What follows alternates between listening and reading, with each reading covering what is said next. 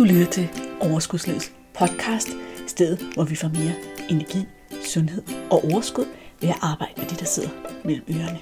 Din vært er life coach og sundhedsundern Malene Dollerup. Lad magien begynde.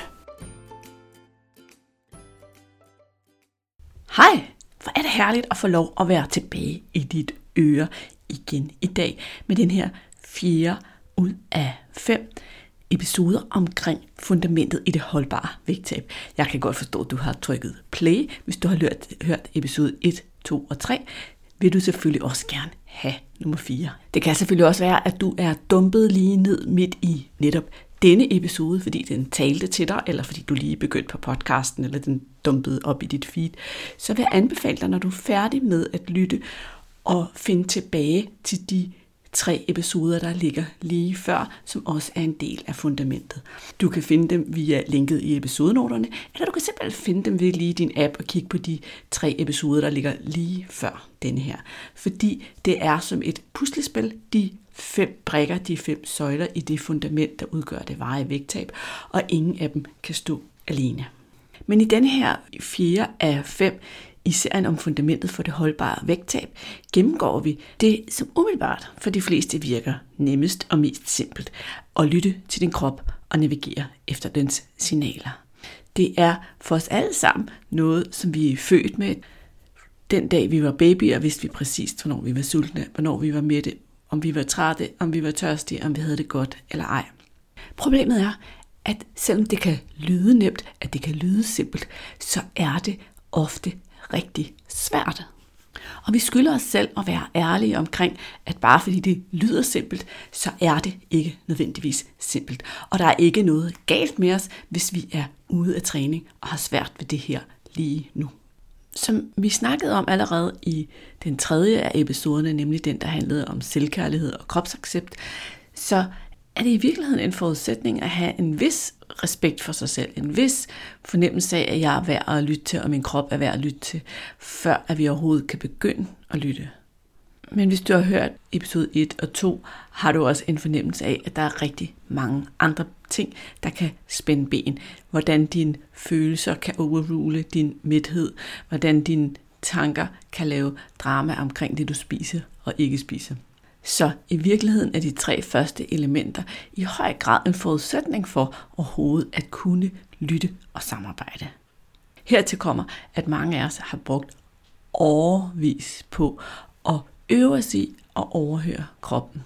Vi har brugt dem først, fordi vi som børn måske er blevet fortalt alt muligt. Spis nu op, tænk på de fattige børn i Afrika, eller nu spiser vi altså aftensmad, så du har bare at spise, kunne være eksempler på, hvor vi har lært at overhøre vores krop. Senere i livet har vi måske lært, at vi spiste for meget, fordi det var åbenbart derfor, at vi vejede mere, end vi godt kunne tænke os. Og på den måde, så har vi en masse programmering, som har øvet os og trænet os i overvis i at overhøre kroppen. Så for nogle af det her en svær rejse. For andre kommer det lidt lettere. Men fælles for os alle sammen er, at jeg har aldrig nogensinde mødt nogen, der ikke kunne lære det. Jeg har mødt nogen, der troede, de ikke kunne lære det. Nogen, der troede, de var helt ude af kontakt med deres krop. Men det viser sig altid, at det er vi aldrig, når vi først får skruet på de rigtige knapper. Det, der er så frygtelig genialt ved at vende tilbage til det her med at rent faktisk lytte efter, hvad det er, vores krop signalerer til os.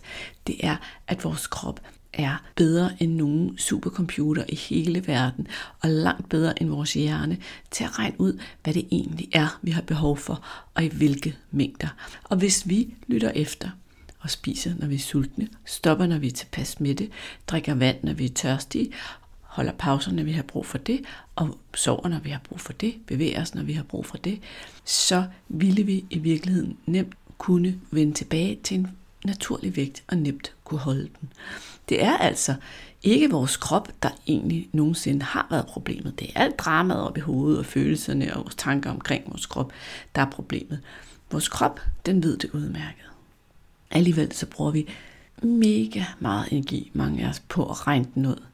Hvor meget skal jeg spise? Hvor lidt skal jeg spise? Hvornår skal jeg stoppe med at spise? Hvordan skal jeg stoppe med at spise? Det her, det må virkelig være nok. Men det der med hele tiden at skulle regne den ud op i hovedet, og hele tiden vurdere sine positioner op i hovedet, det er anstrengende, og det er energikrævende. Konstant at tænke på mad på den måde. Og det betyder også, at så snart livet er svært eller udfordrende eller kræver noget af dig, så kan det være rigtig svært at også holde fast i alt det, som jeg skal tænke på og koncentrere mig om omkring mad. Det er langt nemmere, hvis din krop ligesom kan styre det der show, og du kan håndtere, hvad end der sker i dit liv.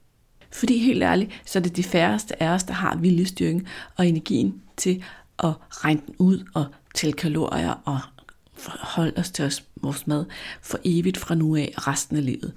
Og som jeg altid siger, den måde, du vælger at opnå dit vægttab på, den skal du kunne se dig selv følge resten af dit liv. For hvis du ikke vil det, så har du ikke valgt en vej, der giver et holdbart vægttab. Og hele fundamentet her handler jo om, at dit vægttab skal være holdbart. Så hvordan bliver du bedre til at lytte til kroppen? Hvordan skal jeg komme i gang med det her? Malene sidder du måske og tænker nu. Så lad os snakke lidt om det. For det første, så handler det jo om at være åben over for at lære sig selv og sin krop at kende. Og være åben over for, hvad er det, jeg kan lære her? Hvad er det, jeg lige nu overhører? Så hvad betyder det for eksempel at være sulten for mig? Hvornår er jeg sulten, så det er dejligt at spise? Hvornår er jeg egentlig ikke sulten, men spiser alligevel? Hvornår er jeg så sulten, at det måske efterfølgende ender med at være et problem for mig, fordi jeg overspiser eller jeg spiser det forkerte? Fordi det er jo en anden lille fælde, når vi ikke lytter til kroppen. Når vi hele tiden går og underspiser, så er det rigtig nemt at falde i sukkerfælden, fordi vores primitive hjerne sætter ind og overruler alt det, vores fornuft prøver at sige til os. Det kan du blandt andet finde ud af. Hvilket tidspunkt der egentlig er godt for dig at spise. I hvilket, hvordan din sult føles på den bedste måde i forhold til at komme i gang med et måltid. Kan du finde ud af ved at eksperimentere. Hvad sker der, hvis du trækker den lidt længere, lidt længere, lidt længere. Hvor er, føles det godt, hvor føles det ubehageligt. Det kan du lege med på fridag i weekend, eller når du har fri. Og så simpelthen tage nogle af de måltider, du plejer at spise, og trække dem lidt. Skub dem i forskellige retninger, eller spis lidt mindre, spise lidt mere. Se, hvad sker der i timerne efter. Reagerer jeg på en anden måde, hvis jeg har spist lidt mere til frokost, eller lidt mindre til frokost? Og begynde at virkelig putte opmærksomheden indad mod, hvad er det, min krop siger, frem for, hvornår er det, vi spiser, hvor meget skal vi spise, hvad sker der, hvis jeg bliver sulten. Det skal du nok løse hen ad vejen, men først skal du mærke efter. Som jeg sagde tidligere, så er det ikke unormalt, at vi, nogle af os, er så lidt i kontakt med vores krop, at vi tror, at vi slet ikke kan mærke det der. Det har jeg hørt mange gange fra mine klienter. Så jeg kunne godt tænke mig at dele en historie om en af mine klienter, Marianne. Jeg har fået lov at dele den, som da hun startede hos mig, fortalte mig, Malene, prøv at høre, jeg er sådan en, der ikke kan mærke min appetit.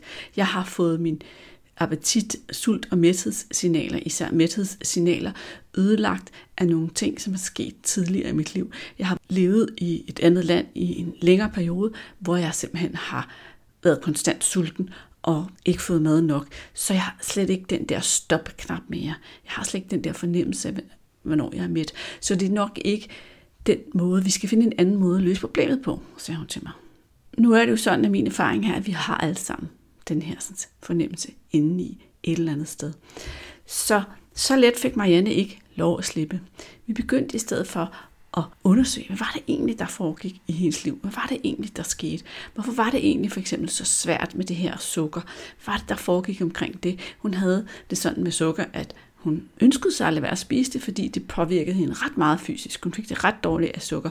Men omvendt, så var hun i sådan et nærmest afhængighedsforhold til det, hvor hun hele tiden kæmpede mod sukkeret og spiste og spiste og spiste, spiste alt for meget af det, men kæmpede mod det. Så vi begyndte først at rydde op i det, alt det med sukkeret, alt det med følelserne, der blev styret af det her sukker, og fik den del på plads, sådan at, en, at kroppen ikke samtidig var fyldt med sukker, når vi prøver at lytte til signaler, fordi sukker også kan overdøve og dulme, hvad der egentlig sker inde i vores krop. Bagefter begyndte vi så at lege med at spise mere og spise mindre og stoppe til måltiderne. Og det, hun kom tilbage til mig og sagde, det var, hun havde opdaget, at hun sørme også godt kunne mærke, både hvornår hun var sulten og hvornår hun var mæt. Og det var jo fordi, hun havde givet sig selv lov at blive sulten for det første. Nogle af os er så bange for at være sulten, så vi aldrig når der til, og derfor ikke rigtig tror på, at vi kan genkende den følelse. Og vi er så vant til at regne ud, hvor meget vi skal spise, at vi heller ikke rigtig har tjekket ind i kroppen, hvordan det føles, når vi er færdige med at spise. Så da Marianne hun begyndte at gøre det, både op til måltiderne og i forbindelse med måltiderne, så begyndte hun faktisk at få kontakten til sin krop tilbage. Så begyndte hun at kunne lytte og stoppe sig selv, når hun spiste, eller skyde sit måltid, eller skubbe sit måltid. Og det støtter jo også den her sådan, udfordring med sukkeret, fordi når vi ikke går rundt og er sultne uden at lægge mærke til det, så falder vi heller ikke så let i den her sådan, sukkerskål. Så lige så langsomt, så fik vi simpelthen ændret alle de her ting for Marianne, sådan, så hun kunne stå. Og så begyndte hun virkelig at tabe sig og komme derhen, hvor hun gerne ville, hvor hendes forhold til mad var bedre, og hendes vægt kom derned, som der var meget sundere for hende, og hun trives meget bedre i.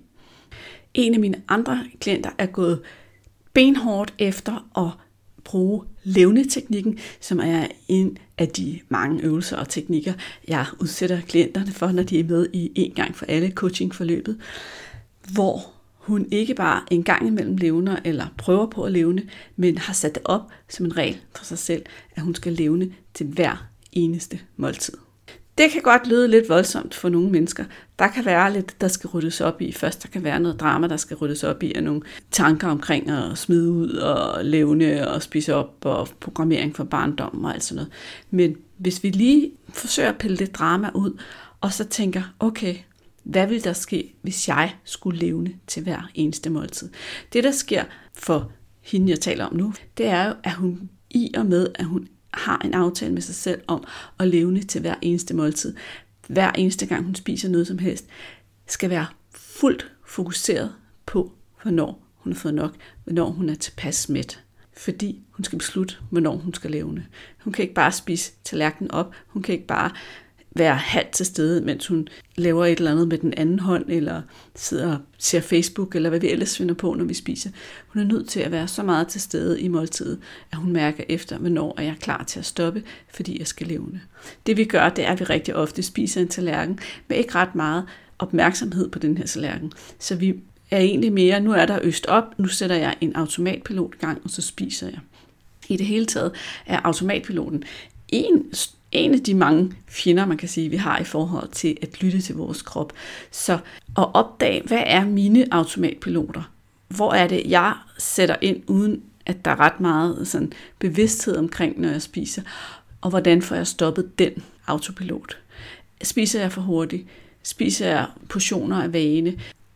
Mærker jeg ikke efter, hvornår jeg er sulten? Hvad er det for nogle ting, der sætter ind? Hvad er det for nogle autopiloter, der sætter ind, når jeg gå i gang med at spise. Det kan være et sted at starte sin rejse mod at blive bedre til at lytte til kroppen. Finde ud af, hvad der skal til for at stoppe de autopiloter, så du kan være mere til stede, og du kan være mere opmærksom. Vær åben for at prøve ting af, vær åben for at teste, være nysgerrig på, hvad der sker. Det er den bedste vej til at udvikle sig, ændre og skabe forandring, hvis vi er villige til at sige at prøve det af, uden og have et garanteret udfald, og det er okay, hvis det ikke lige fungerer, så ser jeg på, hvorfor det ikke fungerer, og hvor, hvad jeg, hvor jeg så skal sætte ind. Det her var den fjerde af de fem søjler i fundamentet til det varige vægttab. Jeg har tidligere her i podcasten lavet forskellige episoder omkring at det at lytte til kroppen. Blandt andet er der en, som jeg lige nu tror hedder Sådan lytter du til kroppen. Den vil jeg sætte et link til i episodenoterne, fordi at der kan du supplere noget af det, du har lært her. Du kan få nogle andre vinkler på det. Du kan få nogle eksempler både på, hvordan det kan se ud ikke at lytte, og hvordan det kan se ud at lytte. Så den kan forstærke det, du har lært her, hvis du har lyst til at dykke ned i lige netop det her emne. Og jeg sætter også et par andre link. I det hele taget så gør jeg det med den her serie, at under hver emne, tanker og følelser, kropsaccept, selvkærlighed, og Lyt til kroppen, som er den fire, der har jeg sat en række af links til andre podcast-episoder, som supplerer det her, hvis du vil dykke mere ned i det. Ultimativt er der selvfølgelig ikke nogen vej uden om at med støtte fra en coach med en til at hjælpe dig med at se bag om de forhindringer, som du ikke selv kan få øje på, til at tage det spadestikket dybere og holde dig i hånden, så vil du kunne nå i mål på bedste vis. Det har du måske allerede fået en idé om ved at lytte til de her fire episoder, og du vil måske få det endnu mere bekræftet, når du går hen og lytter til den episode, der udkommer som sidste del af serien episode 5, hvor vi skal ind og arbejde med de ubevidste årsager til, at vi nogle gange ødelægger det for os selv og skal starte forfra igen og igen. Det kunne vi måske godt lave 10 podcast episoder om alene, men nu tager vi lige sådan et overordnet blik, så du får en idé om, hvad er det, det handler om her? Hvor er det, jeg skal forstå om mig selv, der kan gøre det svært? Og den her forståelse kan også være med til, at det bliver nemmere at være rummelig og tilgivende over for sig selv, når vi forstår, jamen der er ikke noget af det, som foregår hos mig, som er min skyld forstået på den måde, at det er ikke mig, der er noget galt med, det er ikke mig, som er dårligere end andre mennesker, det er bare mig, der har nogle ting, jeg mangler at lære, det er mig, der har nogle ting, jeg mangler at rydde op i. Og det kan jeg gøre, hvis jeg er villig til at starte på arbejdet. Så hvis du er klar til at starte på arbejdet, hvis du er klar til at komme i mål med dit vægttab, dit forhold til din krop, måden du har det med dig selv, dit forhold til mad, så vil jeg elske at være din coach. Kom og være en del af gruppecoaching-programmet en gang for alle og få et halvt års coaching, hvor vi går i dybden med både de elementer, du har hørt her i podcasten, og alt, hvad der ellers måtte stå i vejen for dig. Det er noget af det magiske ved et gruppecoaching-program, er, at selvom vi er arbejder sammen i en gruppe, er det en individuel proces, hvor du får fokus på det, som er sværest for dig, og du får hjælp til og komme over på den anden side. Ræk ud, sig ja til en snak, hvis du har lyst. Jeg vil gerne hoppe på telefonen med dig, tage en snak om, hvad der forhindrer dig, og hvordan en vej kunne se ud for dig, uanset om det skal være et gruppecoaching-program, en en-til-en coaching-program, eller jeg skal pege dig i en helt anden retning. Du kan finde links til den slags lækkerheder nede i episodenoterne, så det er klart dit næste skridt. Det kan du gøre nu og her, indtil vi mødes i dit øre igen om et par dage. Hej hej. Hey, inden du løber, glem ikke at abonnere på podcasten, så du ikke går glip af en eneste episode. Og skulle du have fingre i den gratis videotræningsserie Vægtab med din hjerne, så smut ind på overskudslid.dk-videoserie, så lander den første video i din indbakke i dag.